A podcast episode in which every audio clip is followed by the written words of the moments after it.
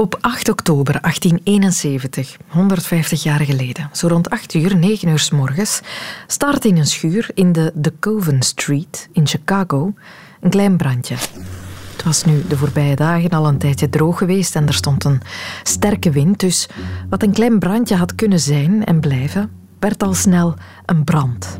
Die oversloeg op de naburige huizen en al gauw een hele wijk in lichterlaaien zette en vervolgens de hele stad. De Great Chicago Fire brandde twee dagen, verwoestte negen vierkante kilometer stad, maakte honderdduizend mensen dakloos en kostte het leven aan zo'n 300 mensen. Een ongelooflijk drama. Waar schuldigen voor gezocht moesten worden. En dus keek men al gauw naar die ene schuur waar de brand uitbrak. Eigendom van de familie O'Leary, Ierse immigranten. En één journalist van de Chicago Republican wist al gauw hoe het drama had kunnen ontstaan. Tijdens het melken van de koeien had Catherine O'Leary, de moeder van de familie, een lantaarn te dicht bij de koeien gezet. Onnozel, die lantaarn werd omvergetrapt en zette zo de schuur in brand. Wat een verhaal. Catherine. Ze verscheen meteen in allerhande karikaturen, ging overal over de tong. De vrouw die eigenhandig een hele stad in brand had gestoken. Je kan die karikaturen vandaag nog vinden op het internet. Je ziet dan zo'n houtsnede van een vrouw die verschrikt opkijkt wanneer ze ziet dat de lantaarn naast haar een vuur doet ontstaan. Je kan zelfs dat verhaal nog horen vertellen. Zo hardnekkig is het. Maar er is een probleem. Want het is niet waar. Dat gaf die ene journalist meer dan 22 jaar na de grote brand in Chicago ook toe. En dat had Catherine al die jaren ook al proberen aandragen. Dat ze in bed lag toen de brand uitbrak. Dat ze geen idee had hoe het vuur was ontstaan. Te vergeefs. Het verhaal was simpelweg te goed. En het kwam ook in een tijd dat er heel wat argwaan bestond tegenover immigranten. Zeker de Ieren, die waren toch altijd zat en onverantwoord. Ze zou wel zat geweest zijn, Catherine. Denkt u ook niet? Haar leven lang bleef Catherine O'Leary het mikpunt van spot en roddel, zelfs nadat bleek dat het lantaarnverhaal gelogen was. Ze stierf in 1895, verteerd door verdriet en volgens nazaten van de familie heartbroken. Dit. De schuld op mensen afschuiven, een zondebok zoeken. We doen dat al eeuwen wanneer groot onheil ons overkomt. Maar waarom eigenlijk? Wat levert ons dat op? Daar gaat het over in deze wereld van Sophie. Welkom.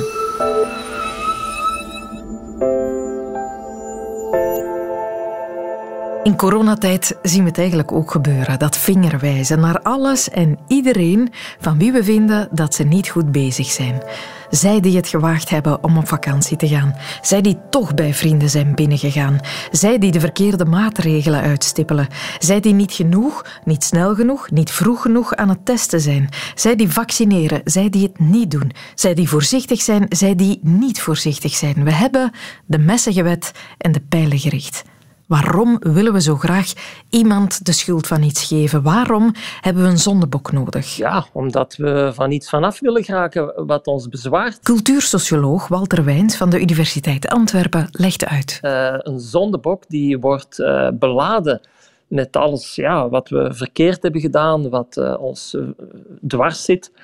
En dus dat is eigenlijk een soort bliksemafleider voor alles wat ons een beetje stoort. Dus dat is het zondebokmechanisme of de, de rituelen van de zondebok kun je rekenen tot de, de reinigings- of de zuiveringsrituelen. Uh, dat is zoiets als uh, een ochtendelijk bad of zoiets, hè, maar dan uh, met toch net iets andere doeleinden. Weet je, zoals wij vandaag, als we vandaag spreken over zondebok, dan wordt daar heel vaak meteen de associatie aan verbonden dat we een bepaalde categorie, een groep van mensen aanwijzen en die we dan uit onze samenleving willen stoten, omdat we die dan inderdaad beladen met alle zonden van Israël. Um, maar het is eigenlijk een, redelijk complex fenomeen. Uh, en in de antropologie zijn er ja, honderden verschillende voorbeelden van uh, rituelen die verwant zijn aan uh, het zondebokritueel. maar die hebben toch allemaal wel tot doel om iets af te wenden.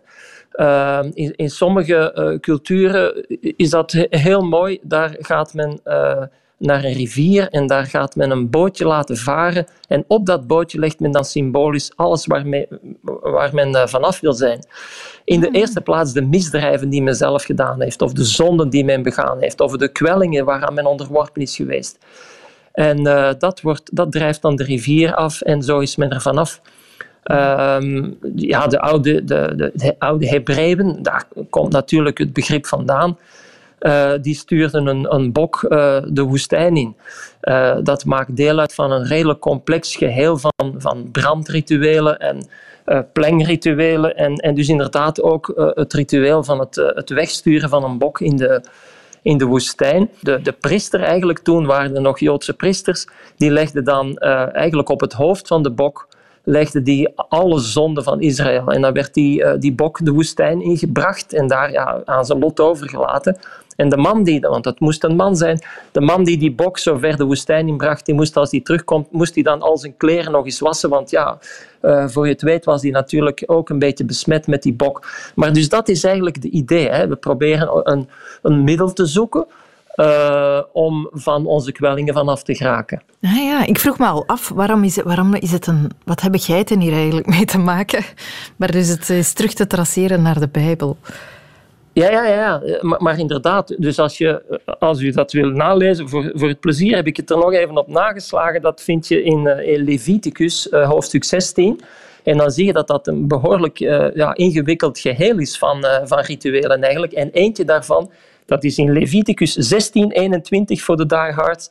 Uh, daar zie je dus uh, dat die bok beladen wordt met de zonde en uh, de woestijn wordt ingestuurd. Maar wat, wat heel interessant is, is dat hier eigenlijk sprake is van wat men in de sociale psychologie dan noemt een projectie. Want wat, wat wordt er op die bok geladen of op die zondebok? Ja, dat zijn eigenlijk wij. Hè? Dat zijn onze kwellingen, dat zijn onze zonden, dat zijn onze misdrijven. Um, dus die bok is eigenlijk ook een soort van uh, omgekeerd perspectief. Alles wat wij niet willen zijn, alles wat we niet willen hebben, projecteren we daarop. Mhm. En dus eigenlijk kun je die bok vaak zien als een soort omgekeerd zelfbeeld. En dat is zoals het vandaag de dag vaak figureert als we bepaalde categorieën uh, nemen of groepen in de samenleving. Denk bijvoorbeeld aan wat de nazi's deden met de Joden. Ja, die mm construeren een soort omgekeerd zelfbeeld. Alles wat zij niet wilden zijn, dat werd geprojecteerd op de Joden.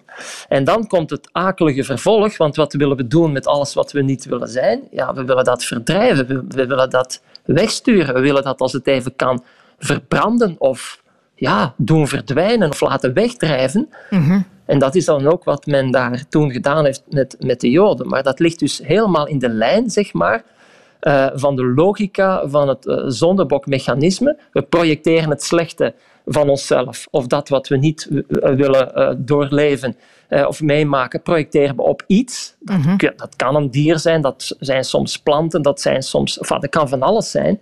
En dat laten we dan verdwijnen. Um, en wat er dan ook meer en meer bij komt, en dat speelt zeker wanneer we het vandaag bijvoorbeeld hebben over zondebokken die we zoeken, eh, als er uh, werkloosheid is, of, of in, in, het geval van vandaag corona, dan gaan we natuurlijk op zoek naar, naar uh, de, de oorzaak van die kwellingen. Mm -hmm. um, en dan is er sprake eigenlijk van een overdracht. We, we, we kennen die oorzaken niet zo goed. Uh, we weten niet precies waar het vandaan komt. Ja, in het geval van, de, van het virus weten we natuurlijk dat het met een virus te maken heeft. Uh, maar wie dan precies dat virus heeft binnengebracht, zijn dat reizigers, zijn dat mensen die onvoorzichtig zijn? Dat blijft dan toch allemaal een beetje in het ongewisse. En, en die, die, die, die onzekerheid, die willen we reduceren. En dan gaan we dus een, een duidelijke oorzaak zoeken. En die wordt dan... Uh, die krijgt dan niet alleen de schuld van wat er ons overkomen is, maar bovendien wordt die dan ook nog uh, beladen met onze, ja, ons uh, negatief zelfbeeld. En die gaan we dan als het ware uitstoten. Dus, het is eigenlijk een combinatie van uh, projectie van wat we niet willen zijn, overdracht van de ene oorzaak die we niet kennen op een, uh, een figuur, een, een, een, persoon of een groep die dan tot oorzaak wordt verklaard en die wordt dan als het even kan uitgestoten. Ja. Dus het is een, een geheel van ja, mechanismen die, als je die allemaal samenneemt, uh, ja, soms tot akelige gevolgen leidt natuurlijk. Ja, ja, ja. De groep voelt zich daarmee een beetje veiliger, heeft misschien ergens een soort indruk dat ze meer controle heeft op de situatie. We hebben het kwade weggestuurd, het zal nu misschien beter gaan. Wat? Ja, het is een vorm van magie. Hè? Ehm, of, of een restmagie. Uh, want natuurlijk, als je zo een, een, bootje laat wegvaren of, of je gaat een bok in de woestijn sturen, ja, dat zal waarschijnlijk niet zoveel effect hebben. Maar het, het doet zoiets wat de magie altijd doet. Je, je, je denkt dat je daarmee de zaken toch een beetje controleert. Dat je daarmee ja, jezelf eh, terug wat, eh, dat er wat orde op zaken komt. Ja, ja. Uh, in werkelijkheid zal dat natuurlijk wel niet zo zijn, maar het lucht op. Dus het heeft een psychohygiënische functie. En voor diegene die beladen wordt natuurlijk, met die zonden of die tot schuldige wordt verklaard, ja, is precies het omgekeerde. Ehm, voor de, de luisteraars die er zich in zouden willen verdiepen, raad ik het boekje aan, wat zeg ik, boek, de twaalfdelige reeks boeken van eh, James Fraser. Dat is een, een, antieke, wat ik bijna zeggen, een klassieke antropoloog. En die heeft zich verlustigd in het verzamelen met alle mogelijke rituelen. En daar kun je dus wel enkele dagen mee zoet zijn. Ja. En het is verbijsterend hoe groot die variëteit is en het is eh, van, van dat soort eh, zondebokrituelen. En het is ook verbijsterend wat voor ja, kwellingen mensen soms aanrichten uh, ten aanzien van die zondebok. Dat is echt geen fraai plaatje. Nee, nee, de zondebok in al die verhalen voor de zondebok is geen redding mogelijk. Hè. Die, moet het gewoon, die moet gewoon de bonen fretten. Ja, die is de pineut. Hè. Dus die moet, uh, zoals dat met offers ook altijd gaat, ja, je, moet, je moet eraan. Hè. Dus uh, je, mhm. je, een offer is geen offer als het blijft leven natuurlijk. Dus uh, ja. bij, bij die zondebok is dat eigenlijk ook een, een vorm van offering. Het is daaraan verwant aan het offer. En dus ja, die moet kapot. Hè. Ja. Uh, die moet de wereld uit. Um, ja, dus dat is, dat is allemaal bijzonder akelig. Hè? Wie, wie men dan kiest als zondebok is uh, vaak wel interessant. Zegt soms ook, ook wel iets over de mensen voor wie men angst heeft op een bepaalde tijd in de wereld. Ja, soms is het lukraak. Hè? Um, wat, wat, of wie men kiest. Uh, in sommige stammen heeft men, kiest men lukraak iemand die tot ja, uh, gegadigde wordt uitgeroepen. Die zal dan later als zondebok figureren. Die, wordt, die krijgt dan uh, een, ja, goed eten, die wordt verzorgd, die wordt vriendelijk bejegend. En dan, als het moment daar is, wordt die ja, doodgeslagen. Mm Dus dat is zeer vreemd. Ehm, maar wie men kiest, is inderdaad soms heeft te maken met uh, ongemakken. Hè. Uh, vreemdelingen zijn vaak de sigaar, juist omdat zij de gebruikelijke kaders een beetje doorbreken. Ze, ze, doorbreken wat we gewend zijn. En ze zijn dus in die zin ja, een soort cognitieve storing. Ze, ze brengen ons, onze kennis van de wereld in, in, in de war. Want ja, die vreemdeling, waar moeten we die situeren? Hoe moeten we daar precies mee omgaan? Dus dat past niet helemaal in het uh, mooi mhm. uitgetekende plaatje. Die valt een beetje buiten de grenzen. We weten niet zo goed waar we die moeten zien. En dus uh, zulke mensen zijn dan inderdaad meer vatbaar uh, om te, of geschikt zeg maar, om te figureren als zondebokken. Ja. de heksen natuurlijk, ja.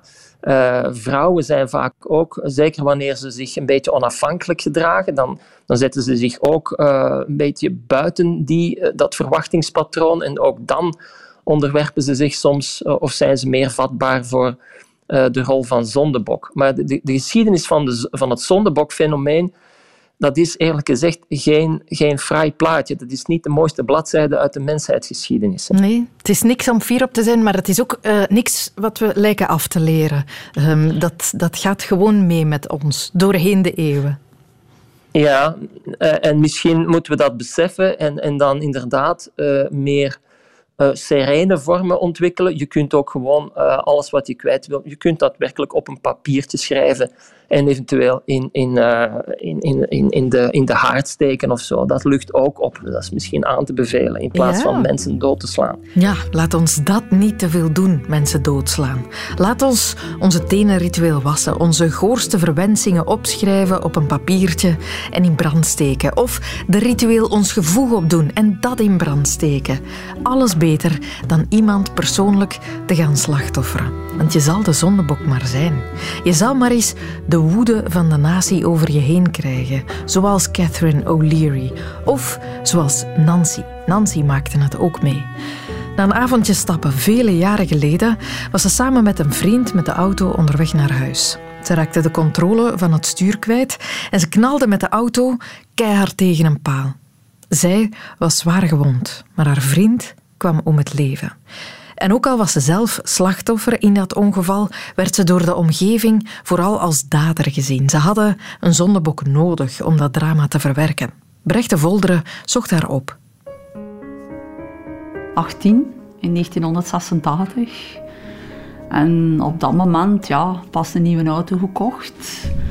En ik werkte toen in de horeca. En dan op dat moment, ja, een keer willen weggaan. Met nog zo een vriend van toen.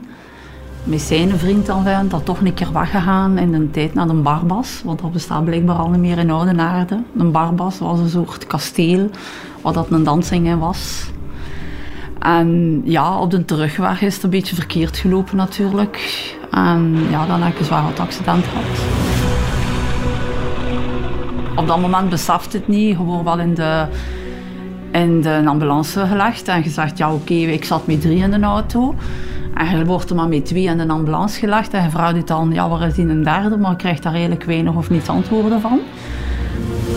En dan ja, dan uiteindelijk ja, kom je dan ook te weten dat er één iemand overleden is natuurlijk. Hè. Dat was een jongen waar ik ook samen een plechtige commune mee gedaan had. Was van onszelfde parochie. En ja, natuurlijk, ja, dan begint het spel. Hij was goed geliefd bij iedereen. Hij zei dan een indringer, want ja, hij komt later op die parochie wonen. Hij was een scoutsleider daar in de parochie. En dan, ja, dan wordt overal de vinger gewezen. Hè. Want dan wordt er van alles en nog wat gezegd van, ja, ze was zat, ze gezopen, ze 380 en al, ja, ja, hoor van alles dan. En dan op dat moment, als je dat dan allemaal hoort, ook van vrienden en gelijk wat, dan, wil je eigen verdedigen. Maar al wat de mensen dan op dat moment zeiden, dan willen ze van hun rij geloven. Maar van de persoon dan in kwestie die het eigenlijk meemaakt, dat verhaal willen ze dan ook niet meer horen. En dat is eigenlijk bij iedereen zo die een, een, een, een accident tegenkomt. Dat is gelijk welk accident dat het tegenkomt als degene die in feiten als bestuurder of degene die het, ja, laten we zeggen, veroorzaakt heeft, die niets meer te zeggen. Hè. Het zijn al andere om, die eigenlijk hun eigen verhaal vertellen. Hè. Ik denk dat dat, ja... Maar ja, uiteindelijk, als jong meisje op dat moment, had veel vrienden, tussen haakjes, want dat dacht het dan. En dan zie je veel van je vrienden vertrekken en dan leer je pas mensen kennen. Zo heb ik echt mensen leren kennen dat ik dacht van, die waren vrienden, die dacht ik dat ik vrienden had. Maar nee, dan verliesde veel. Um, je was 19, was nog geen echt goede vlotte chauffeur? Um, ik had in 85 mijn rijbewijs wel gehaald. Je had maar 2600 kilometers. Mijn eerste moest naar binnen voor zijn eerste onderhoud. En ja, stom gebeurd. De momenten dat wij reden, ja, ik moest in die tijd was dat dan op een bepaald uur thuis zijn. Ik moest om twee uur thuis zijn. En ja, die jongen die naast mij zat, ja, die, ja, we hadden een kleine relatie op dat moment, zo'n beginnende relatie. En die wou dan ja dat ik tijdig thuis was. En voor mij was dat een beetje ambetant. En dan in de auto mij een beetje ambeteren en zo. En zo aan weggeduwen en zo mijn controle over mijn stuur kwijt geweest. Oei, oei, Ja, dus op dat moment is al zoiets van geduwd en weg. Uiteindelijk, pas op, ik heb ook nooit mijn rijbewijs kwijt geweest. Dat is ook uitgesproken in 88. Uh, eh, ja, daar heb ik gewoon, hebben ze ook gezegd, gewoon uh, te weinig rijervaring. En je kwam van een discotheek? Wij kwamen van die, en dat was aan je de macro. niets gedronken? Nee, nee, het was geen een van ons drie gedronken, want daar is bloed geprikt zonder dat we het wisten. Nu, ik dronk niet, een van de twee jongens dronken ook. Dus ergens bewust een stuk meegemaakt wat er op dat moment gebeurt, maar dan is dat een flits. En dan is het, ja, dan is het gedaan, hè. En dan is uw leven uh, En dan, ja, dan is zijn leven ja, gestopt. En ons leven ja, is voor alle twee, ook de achterste. Ik heb met die persoon nooit geen contact meer gehad. Ja, Nancy, dan ben je 19 en dan heb je al dat op uw... Uh, ja. Het heeft 20 jaar op mijn strafblad gestaan. Onvrijwillige verwondingen en doodslag. Maar daar staat er dus ook wel niet bij van wat. Hmm. In plaats van dan bijzetten van een, een auto-ongeval of zo. Dus die man, die politieman die mij dat papier toen afga... ja, hoe veranderde, keek zo naar mij en ik had zoiets van, oei, wat heb ik misdaan? Ja, tot wanneer dat ik het las natuurlijk, op mijn papier wat dat erop stond. Hè. Maar blijkbaar na twintig jaar, ik had dan, als ik mijn krantenwinkel begonnen ben, terug meer mijn papier moeten opvragen, om dan, dan de loterij aan. En dat was straf. Ja, na twintig jaar gaat dat eraf dan, hè, automatisch. Maar de eerste twintig jaar ben je ja, wettelijk, juridisch gezien een, zondebok, een zondebok. Ik vind iets op een papier zetten van onvrijwillige verwondingen en zeker doodslag erbij, kom hard binnen. Hoe zeggen hij dat is? Want mijn toenmalige baas van de Wisselhand heeft daar ook een papier moeten bijsteken, zelf geschreven, hmm. voor wat dat, dat was. Dat hij dus kost wijzen dat er van een ongeval was. Dus in principe zou dat er toch, vind ik, erbij moeten staan. Want ja, onvrijwillige verwondingen en doodslag, dat kan alles betekenen. Hè? Ik heb dan nu nog mensen die dat ik voel van die mij niet liggen, ik stap daarvan af. Ja, dat is iets dat je meedraagt. Waarschijnlijk omdat je daar misschien te diep in de grond en omdat het te veel van de zogezegde vrienden, tussen haakjes, mm u dan ook links laten liggen en u van alles ook op uw neus gesmeten hebben. Dat is effectief zo gebeurd. Ja, ik heb nog vrienden gehad. Toen, mijn toenmalige, mijn man dan uiteindelijk gewoon, was ook iemand uh, van bij ons van de plechtige commune, want wij hadden allemaal samen plechtige commune gedaan. Heb ik vrienden gehad die mij vlak af zeiden van, ah ja, je moet blij zijn dat je bij hem bent, want anders zoek je niet meer bekeken hem. En dat zijn kloppen dat je krijgt, want je loopt dat half mank, gaat dan maar pas tegenkomen een paar maanden, en dan komen de mensen tegen die er toch uiteindelijk samen uw vormsel meegedaan hebt. En dan smeten ze zoiets. Of dan gewoon, uh, gewoon tegen u mee praten. Of gewoon uh, ja, u links laten liggen. Gevoelig dat wel duidelijk. Nu zijn broer van die jongen die ook, die verongelukt was, heeft mij ook dreigbrieven gestuurd in een tijd. En hij wou dus mij ook onder de grond steken. Juist dat ik zijn broer onder de grond gestoken had. Dat was zijn uitleg. Dus het maakt u wel hard in uw leven. Ik stak zoveel weg ik duwde dat gewoon weg. Gewoon voor buitenwereld. Oh, Nancy kan alles aan, Nancy is een sterke, Nancy dit. Maar ergens diep in mij was er iets dat toch niet, niet klopte. Was je een zondebok? Ja, hè, want uiteindelijk, ja, de vrienden die je vroeger had, of je kwam dan een keer iemand tegen en je voelde dat als je dan toch een keer wou een goede dag zijn, dat was kort en bondig en je voelde dat als je direct links legde. Dus dat dat toch iets was, ja, dat meebleef. Hè. Je bleef de stempel dragen. Hè zo, hoe dan ook. Hè. Ook als je dan boodschappen deed dan in de gebuurten en zo.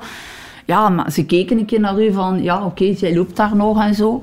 Maar echt 25 jaar na... Ja, ja, ja. Dan heb ik uh, via, ik zeg, mijn geburen een tijd. En uh, heb ik samen met iemand dat gedaan. Hebben ze mij eigenlijk ja, een stuk onder mijn bewustzijn laten gaan. Mm En daar is er eigenlijk het grootste deel allemaal uitgekomen. Dus dat ik ja, dat gewoon niet op zijn plaats gekregen heb. Gewoon het feit Ehm, dat ik uh, mijn leven heb verder kunnen zetten en zijn leven is gestopt op dat moment. En daar had ik het blijkbaar dus moeilijk mee in mijn onderbewustzijn. Vandaar ook dat alles in mijn leven, relaties en allemaal, dat dat ook niet, niet lukte. Omdat ik daar ergens toch ergens een schuldgevoel van had en meedroeg.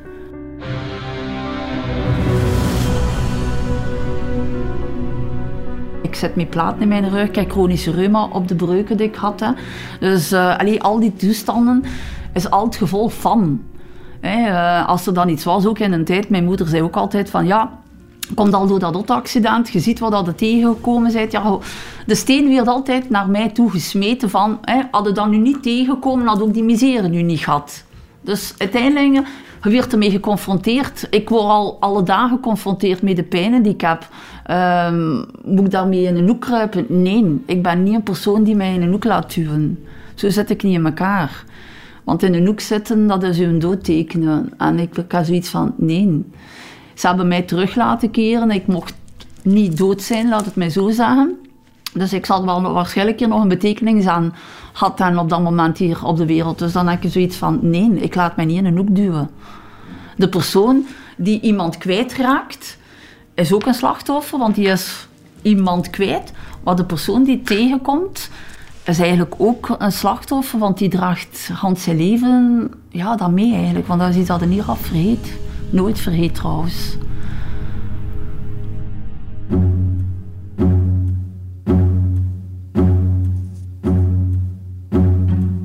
Hebben het over de zondebok.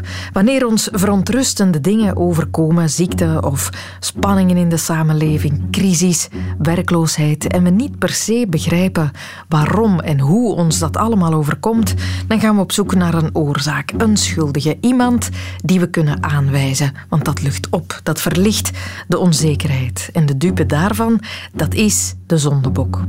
Als je dat hoort, welke omstandigheden zondebokken voortbrengen, dan mag het niet verwonderen dat je er ook heel wat vindt in de sportwereld. Een wereld waar je kansen op winst of verlies in een mum van tijd kunnen keren. De allerbekendste zondebok in de sportgeschiedenis is misschien wel Andres Escobar, een Colombiaanse verdediger die op het WK voetbal in 94 in de Verenigde Staten een own goal scoorde en dat moest bekopen met zijn leven. Tenminste, dat is althans de vereenvoudigde versie van het verhaal. Zo staat hij bekend. Maar het is ingewikkelder dan dat. Bueno, fue difícil en ese momento porque realmente no lo esperaba. 30 juni 1994.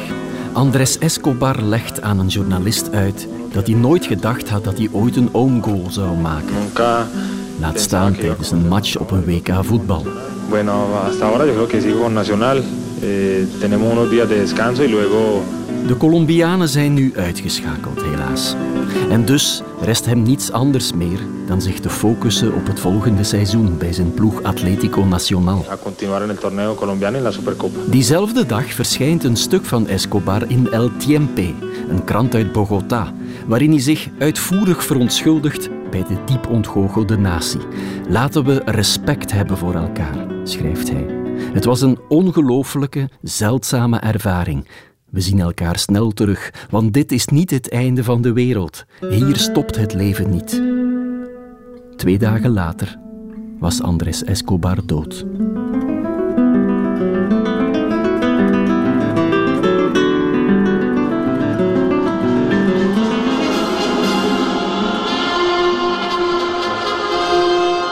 Een week eerder. Andres Escobar luistert met zijn teammaats vol spanning naar het Colombiaanse volkslied dat weergalmt in de Rose Bowl in Pasadena.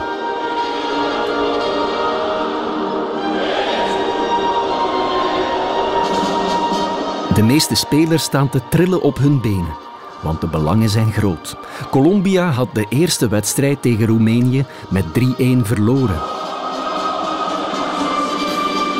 En ze moesten winnen tegen de Verenigde Staten om in het toernooi te blijven. Maar er is nog een reden. Het jonge broertje van Luis Herrera was in Medellín ontvoerd na de nederlaag tegen Roemenië. Coach Pancho Maturana had een brief gekregen waarin stond dat als hij het durfde Gabriel Gomez op te stellen, de hele ploeg vermoord zou worden. En ster Faustino Aprilia, die belde naar zijn familie om hen te waarschuwen als het fout zou lopen tegen de VS. Antes de ir al estadio, llamar a mi casa, telefonar. En het loopt fout. In de 22e minuut strekt Andres Escobar zijn rechterbeen in een poging de voorzet van John Harkes weg te tackelen. Maar de bal verdwijnt ongelukkig in zijn eigen doel.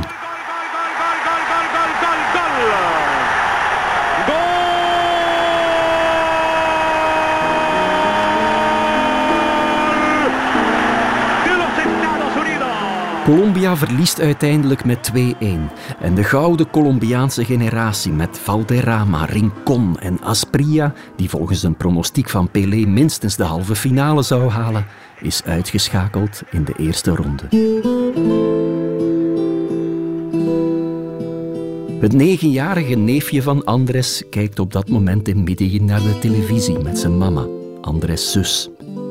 En hij zegt... Mama, nu gaan ze oom Andres vermoorden.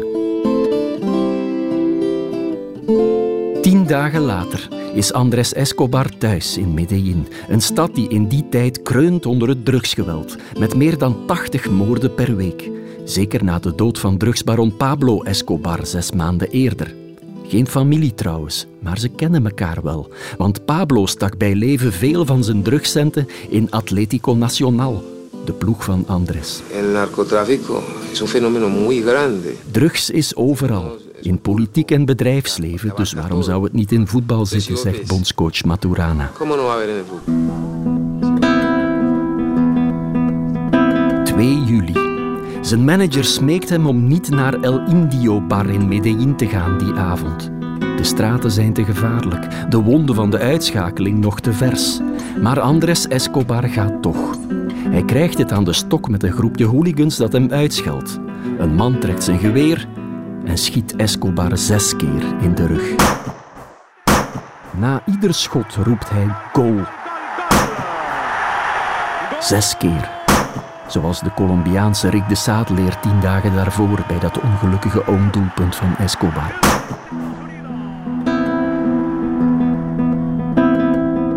Een getuige noteert de nummerplaat van de vluchtauto. De auto is van de broers Gallon, twee beruchte drugsbaronnen die miljoenen zouden verloren hebben aan een weddenschap die Escobar met zijn dwaze own goal verknald heeft. De Gallons zouden 3 miljoen dollar betaald hebben aan de openbare aanklager om het onderzoek toe te spitsen op een Humberto Castro Munoz, die er die avond ook bij was. Hij bekent en wordt veroordeeld. De Gallons worden nooit aangeklaagd. Veel zou en het echte verhaal kent niemand. Maar Andres Escobar gaat gemakshalve de geschiedenis in als de man van de dodelijke ongo, de zondebok van Colombia. Hoewel 120.000 mensen naar zijn begrafenis komen en om gerechtigheid schreeuwen.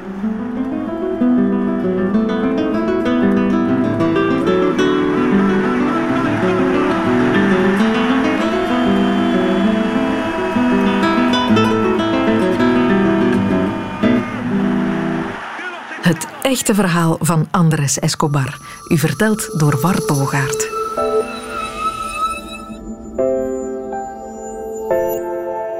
Dit was de wereld van Sophie over het zondebokmechanisme.